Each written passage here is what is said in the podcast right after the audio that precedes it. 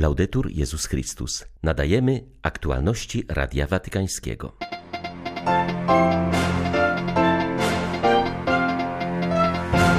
Naszym powołaniem jest budowanie jednej rodziny ludzkiej, przypomina papież w orędziu na Światowy Dzień Modlitw o Powołania. Putin chce podbić cały kraj, nie tylko Donbas, ostrzega arcybiskup Mieczysław Mokrzycki. Lwowski arcybiskup nadal ma nadzieję na wizytę papieża na Ukrainie. Ludzie, którym udało się uciec z Mariupola, zaświadczają o niesamowitym okrucieństwie rosyjskich żołnierzy.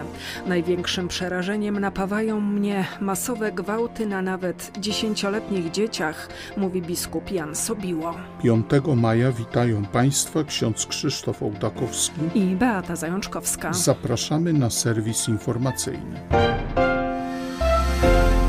Wielka rodzina ludzka zjednoczona w miłości nie jest utopią, ale projektem, do którego stworzył nas Bóg, napisał papież w orędziu na 59. Światowy Dzień Modlitw o Powołania. Franciszek podjął refleksję nad wezwaniami Boga i świata w kontekście Kościoła synodalnego. Ojciec Święty stwierdza, że każdy członek ludu Bożego jest uczniem misjonarzem. W związku z tym należy wystrzegać się mentalności oddzielającej kapłanów od świeckich, która uważa tych pierwszych za protagonistów, a drugich za wykonawców. Mamy realizować misję chrześcijańską jako jeden lud Boży.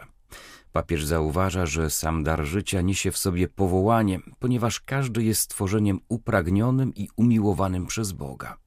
Bóg widzi nas takich, jakimi możemy się stać pod Jego czułym spojrzeniem – dostrzega nasze ukryte możliwości oraz niestrudzenie pracuje, abyśmy mogli je wykorzystać w służbie dobra wspólnego. Franciszek zwraca uwagę, że przyswajając sobie pełne miłości spojrzenie Jezusa, powinniśmy patrzeć Jego oczami na innych, aby czuli się akceptowani i zachęcani do rozwijania wszystkich swoich ukrytych możliwości.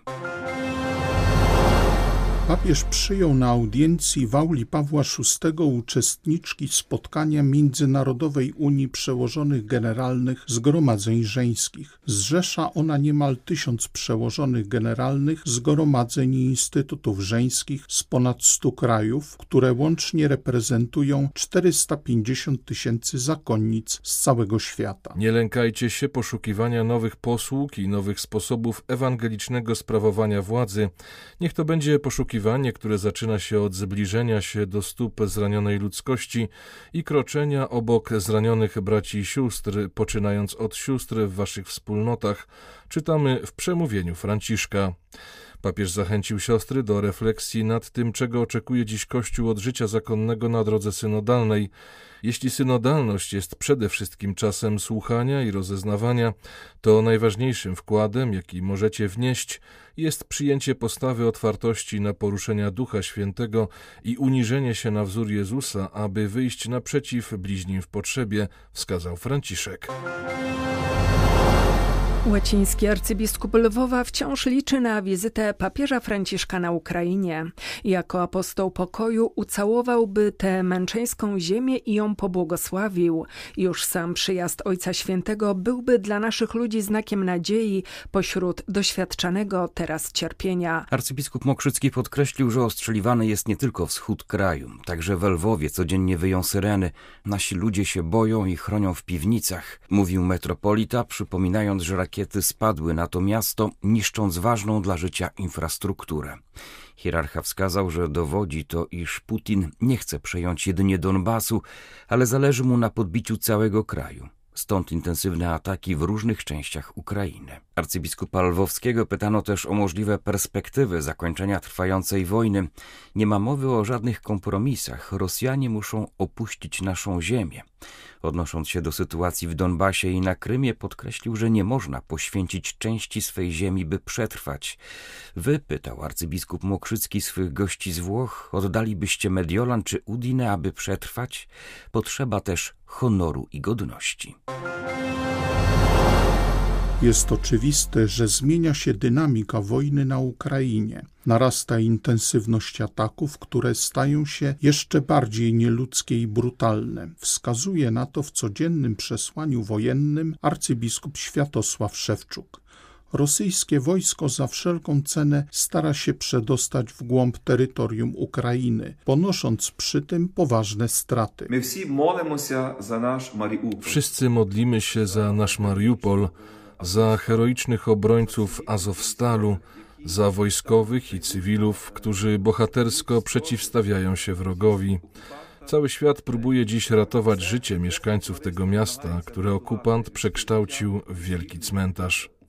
Każdego dnia odkrywane są tam masowe groby, zwłaszcza na terenach wyzwolonych spod okupacji rosyjskiej.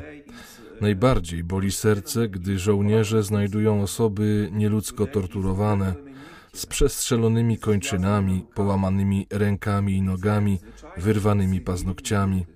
To zwyczajni cywile, nie żołnierze. Na ich miejscu jutro mogę być ja i każdy z Was. Dlatego jeszcze raz apeluję, módlmy się za te niewinne ofiary, róbmy wszystko, aby ratować ludzkie życie.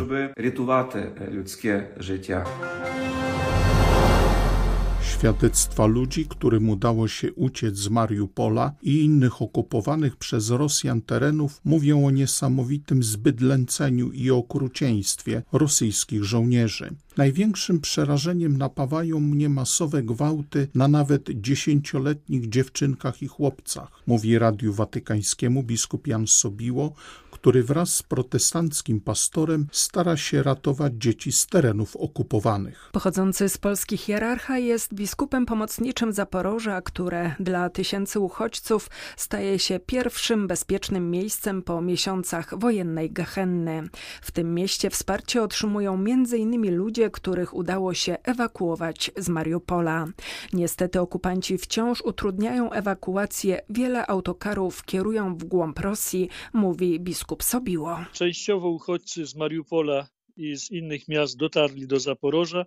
Nie wierzyli, że jeszcze uda się komukolwiek ich wydostać stamtąd. Patrząc też na śmierć swoich bliskich, sąsiadów, których zostawili tam w tym mieście, myśleli, że ich też ten sam los czeka. To, co przeżyli, to pokazuje wielkie cierpienie, ale podziwiam ich za wytrzymałość, że wiele z tych osób dwa miesiące siedziało tam w piwnicach, ukrywając się podczas obstrzału artyleryjskiego, nie mając możliwości wydostania się na, na, światło dzienne, bo byliby od razu zniszczeni przez obstrzały. Bardzo skromny posiłek i woda nie w takiej ilości, żeby się napić, tylko żeby przeżyć. Straszne historie, nawet odsłuchanie włos się jeży. Aż 80% województwa zaporowskiego znajduje się w rękach Rosjan. Intensywne działania wojenne toczą się także wokół Zaporoża, które wciąż pozostaje niezdobyte. Nasi ludzie, którzy mają rodziny na terenach okupowanych albo wręcz są tam zameldowani, jeżdżą tam i wywożą kogo tylko się da. Najbardziej staramy się ratować dzieci, mówi papieskiej rozgłośni biskup Sobiło. Za taki bezpieczny przejazd okupanci każdorazowo pobierają opłaty na punktach kontrolnych. Są wspólnoty protestanckie, które z naszą pomocą też wywożą dzieci i ludność z tamtych terenów. Jak opowiada jeden z pastorów protestanckich, są miejscowości, gdzie dzieci od 10 lat wzwyż tak chłopcy, jak i dziewczynki zostają zabierane i gwałcone masowo. To są takie historie, że nawet jak się słucha, pierwsze to jest szok, że nie może być to w XXI wieku. Takie okrucieństwa, takie zbydlęcenie. Dlatego też organizujemy takie wyjazdy jeżdżą ci, którzy mają tam kuzynów, dlatego że oni mają możliwość przedostania się i wtedy za pewną opłatą zostają przez okupantów puszczeni do niektórych miejscowości. Wielu z nich mówi, że wolałbym sam przeżyć jakieś okrucieństwo, aniżeli słuchać to, co się przydarzyło tym dzieciom. I tu już Rosja jednoznacznie przegrywa, dopuszczając się takiego ogromu znęcania się i takich okrucień w stosunku do dzieci. W duchu Solidarności z Ukrainą do Lwowa przybyli trzej bracia z ekumenicznej wspólnoty TZ. Odbywają oni podróż, która obejmuje Czechy, Słowację, Ukrainę i zakończy się w Polsce. Jak podkreślają, chcą odwiedzić Ukraińców, którzy do niedawna stanowili drugą co do wielkości grupę uczestniczącą w międzynarodowych ekumenicznych spotkaniach w TZ, a w tym roku zapewne niewielu z nich będzie mogło wziąć w nich udział. Wieczorna modlitwa z braćmi z TZ, jaka odbyła się wczoraj w grecko-katolickiej cerkwi pod wezwaniem świętej Sofii Mądrości Bożej ze względu na alarm przeciwlotniczy została przeniesiona do dolnej części świątyni, która jednocześnie pełni funkcję schronu. Mamy tą przerażającą wojnę. Tak o podróży na Ukrainę mówi brat Maciej z Teze. Więc chcieliśmy wyrazić swoją solidarność, e, swoją miłość do, do Ukraińców. W związku z tym stwierdziliśmy, jedziemy. Natomiast refleksja, która przyszła zaraz za tym, była taka, że skoro chcemy odwiedzić naszych przyjaciół z Ukrainy, nie możemy jechać tylko na Ukrainę, powinniśmy jechać do Czech, do Słowacji, do Polski.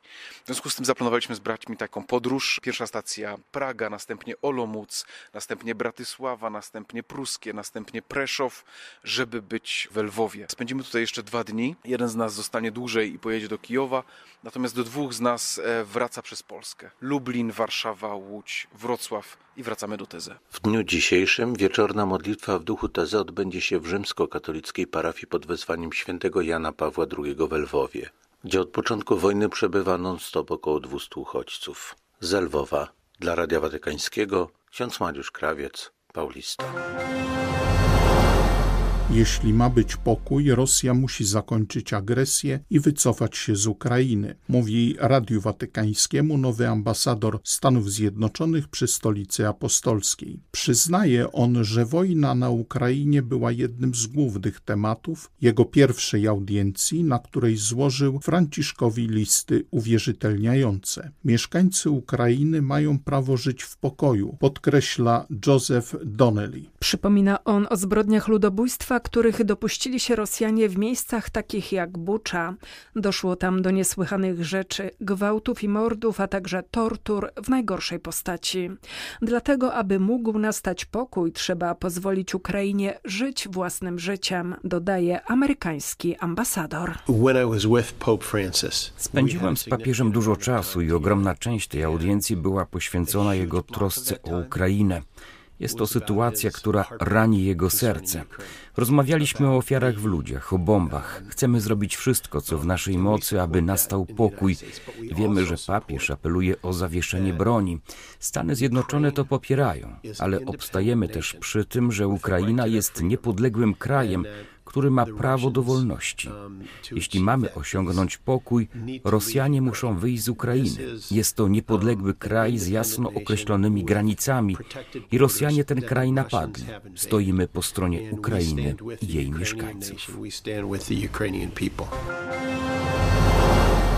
W krajach takich jak Sri Lanka na co dzień konfrontujemy się z ludźmi, którzy nawet nie znają Jezusa Chrystusa. Dlatego musimy dbać o wierność Jego nauczaniu i w pewnych sytuacjach musimy stanowczo powiedzieć nie, mówi kardynał Malcolm Ranjit, wyjaśniając swój sprzeciw wobec niemieckiej drogi synodalnej. Kardynał Ranjit przyznał, że sytuacja w Niemczech musi być wielkim ciężarem dla papieża Franciszka, stąd tak ważna jest modlitwa w jego intencji. Nie mogę się zgodzić na postępowanie niemieckiego kościoła, który uważa się za oddzielny kościół, mogący podejmować decyzje we wszystkich kwestiach na podstawie własnego rozeznania. Kościół w Niemczech musi też zdać sobie sprawę, że należy do kościoła katolickiego. Dlatego muszą rozważyć te kwestie razem z innymi. Bez tego nie ma braterstwa. Sobór Watykański II w Lumen Gentium bardzo wyraźnie mówi o kościele lokalnym, który należy jednak do kościoła powszechnego. Jeśli się tego nie zachowa, dochodzimy do schizmy, powstaje Kościół odseparowany. Nie tą drogą mamy podążać. Były to aktualności Radia Watykańskiego. Laudetur Jezus Chrystus.